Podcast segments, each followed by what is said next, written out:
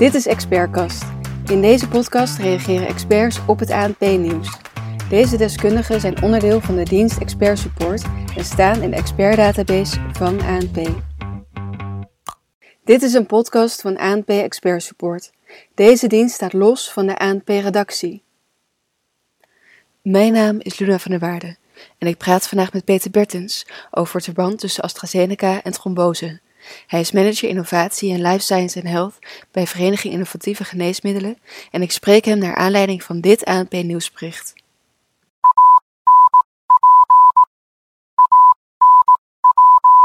Het vaccin van AstraZeneca kan wel degelijk trombose veroorzaken in combinatie met een laag aantal bloedplaatjes. Er was al een vermoeden, maar het Europees Geneesmiddelenbureau, EMA, benoemt het verband nu. EMA grijpt niet in, want de voordelen van het vaccin zijn groter dan de nadelen. Enkele tientallen mensen in Europa kregen de bijwerkingen. Hier te gast Peter Bertens, welkom. Hoe kan het nou zo zijn dat het EMA het vaccin eerst heeft goedgekeurd en geen verband met trombose zag en nu ineens wel? Ja, de EMA die eh, heeft eh, een belangrijke taak om over de veiligheid en, en effectiviteit van onze geneesmiddelen en vaccins te oordelen. Ze kijken dus naar uh, nieuwe geneesmiddelen en vaccins of die veilig en effectief zijn, maar hebben ook een rol om het in de loop van de tijd te volgen. Het kan natuurlijk altijd zo zijn dat uh, pas na een tijdje uh, een bepaalde bijwerking naar boven komt, hè, omdat we dan heel veel mensen gaan behandelen met een geneesmiddel of, of met een vaccin of een vaccin geven. Uh, het kan ook zijn dat er door andere oorzaken opeens iets gebeurt waardoor er bijwerkingen optreden. Dus de EMA die waakt in het algemeen ook nadat een geneesmiddel is toegelaten tot de markt over de veiligheid en effectiviteit van geneesmiddelen en vaccins. En hoe gaat het dan specifiek bij de coronavaccins? Als we kijken naar de COVID-genees, de COVID-vaccins, die hebben allemaal een voorwaardelijke markttoelating gekregen. Dat betekent dus dat de bedrijven hun studies moeten vervolgen en gegevens over werkingen en bijwerkingen die ze eh, tegenkomen, moeten verzamelen en moeten doorgeven aan de EMA. En de EMA die krijgt die gegevens binnen en zal dan periodiek ook daarnaar kijken en al dan niet ja, daar, daar iets mee doen.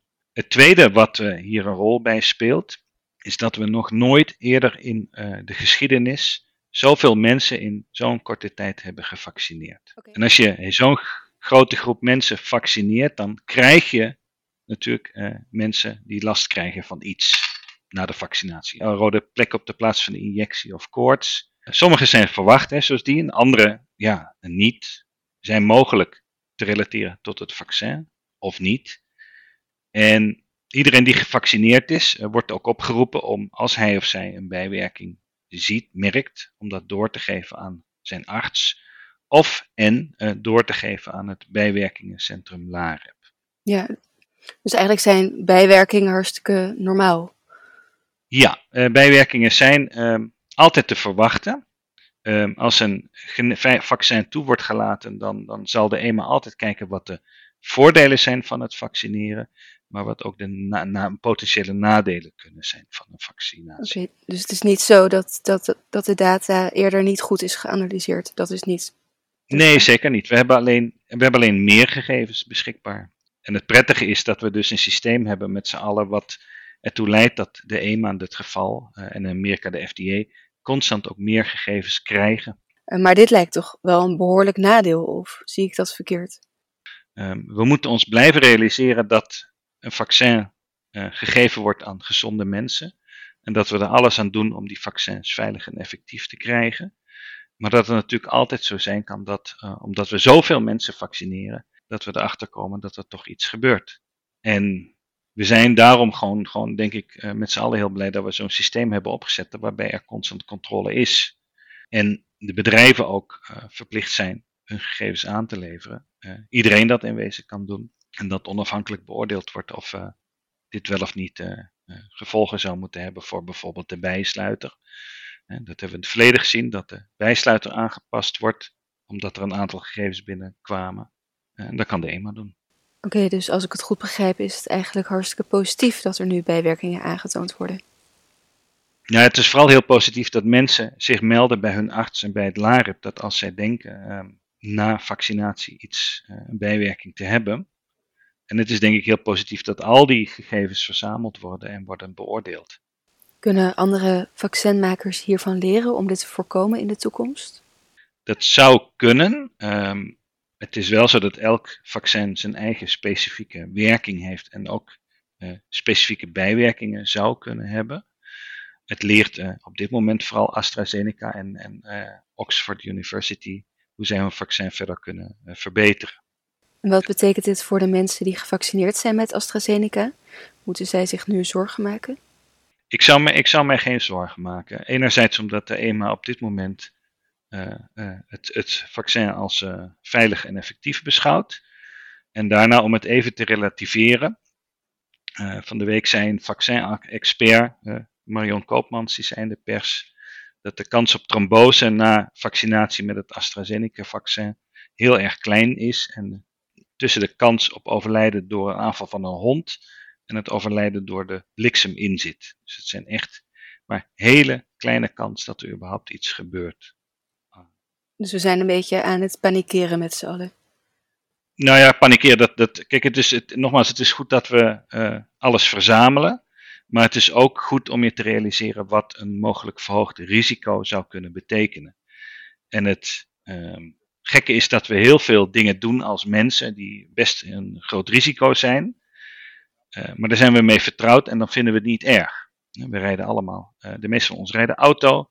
Heel veel mensen gaan skiën. Nou, dat heeft ook uh, risico's op bijvoorbeeld het breken van een been of op het krijgen van een ongeluk met de auto. En dat accepteren we, terwijl uh, zo'n heel klein risico op een mogelijke bijwerking van een vaccin, ja, dat vinden mensen toch op de een of andere manier uh, zorgelijker. Maar als je gewoon de kale cijfers gaat bekijken, dan zou ik zeggen dat het risico heel erg klein is. En mij in ieder geval niet ervan zou weerhouden om het uh, Astra-vaccin te nemen als ik het aangeboden zou krijgen. Oké. Okay. Uh, wat wordt er nou gedaan met de meldingen van bijwerkingen? Ja, als mensen een, een bijwerking voelen na vaccinatie, dan kunnen ze dat aan uh, zijn of haar arts melden. Die gaat dat doorgeven aan het bijwerkingencentrum LAREP, die hier speciaal voor is opgericht. We kunnen trouwens zelf ook bijwerkingen melden bij het bijwerkingencentrum via het internet. LAREP verzamelt alle uh, binnenkomende meldingen en geeft dat door aan het uh, College ter Beoordeling van Geneesmiddelen. Die geeft dat op haar beurt weer door aan de EMA. De EMA krijgt dit soort gegevens uit alle Europese lidstaten en beoordeelt of die meldingen te maken kunnen hebben met de vaccinatie of niet. Dat gebeurt in een speciale werkgroep, de PRAC. De EMA kan daarna een besluit nemen om bijvoorbeeld de bijsluiter aan te passen en een waarschuwing te geven dat er een officieel vastgestelde bijwerking is. En daarna kunnen de individuele landen het besluit van de EMA zelf gebruiken om te bepalen wat men gaat doen. Oké, okay, dus eigenlijk komt dan straks misschien in de bijsluiter te staan verhoogde kans op trombose bijvoorbeeld, uh, zoals dat in vele bijsluiters van medicijnen staat. Ja, dat kan. Dat uh, verwacht ik wel als er, uh, de EMA dat gaat besluiten. Ja, en wat kunnen we nou leren uit deze les dat dat verband is aangetoond? Nou ja, ik denk dat het belangrijkste is dat we uh, ons moeten blijven realiseren dat een, een vaccin geen uh, snoepje is. Hè. We geven het aan gezonde mensen. Het moet een uh, bepaalde infectie van, in dit geval het, het COVID-virus, voorkomen. Um, als het effectief is en veilig is, dan moeten we het gewoon kunnen gebruiken. en daarnaast is het goed te weten dat we dus een, een soort analysesysteem hebben opgetuigd met z'n allen door heel Europa heen wat ervoor zorgt dat als er toch onverhoopt wat aan de hand mocht zijn met het vaccin, dat we heel snel uh, daarop kunnen reageren als autoriteiten. En dat kan weer ertoe leiden dat het vaccin op een andere manier gebruikt gaat worden. Op die manier proberen we voor maximale veiligheid te zorgen uh, uh, met z'n allen. Is een rol van de overheden. En wij als bedrijven hebben natuurlijk ook onze eigen verantwoordelijkheid daarin. Ja, ja, precies. Dus eigenlijk laat uh, het verband wat nu aangetoond is met trombose ook wel weer zien dat het systeem goed werkt. De, de, hele, de hele analyse, het, het verzamelen van gegevens over een mogelijke bijwerking en de analyse daarvan laat zien dat het systeem werkt. En dat we in die zin gerust kunnen zijn dat vaccins die goedgekeurd zijn door de EMA, dat die uh, veilig en effectief zijn.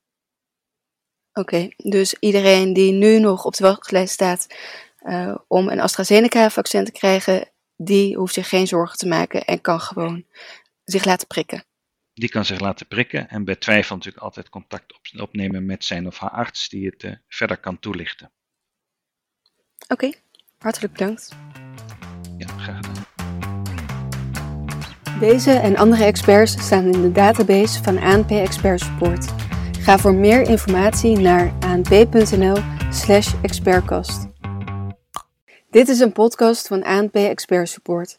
Deze dienst staat los van de ANP-redactie.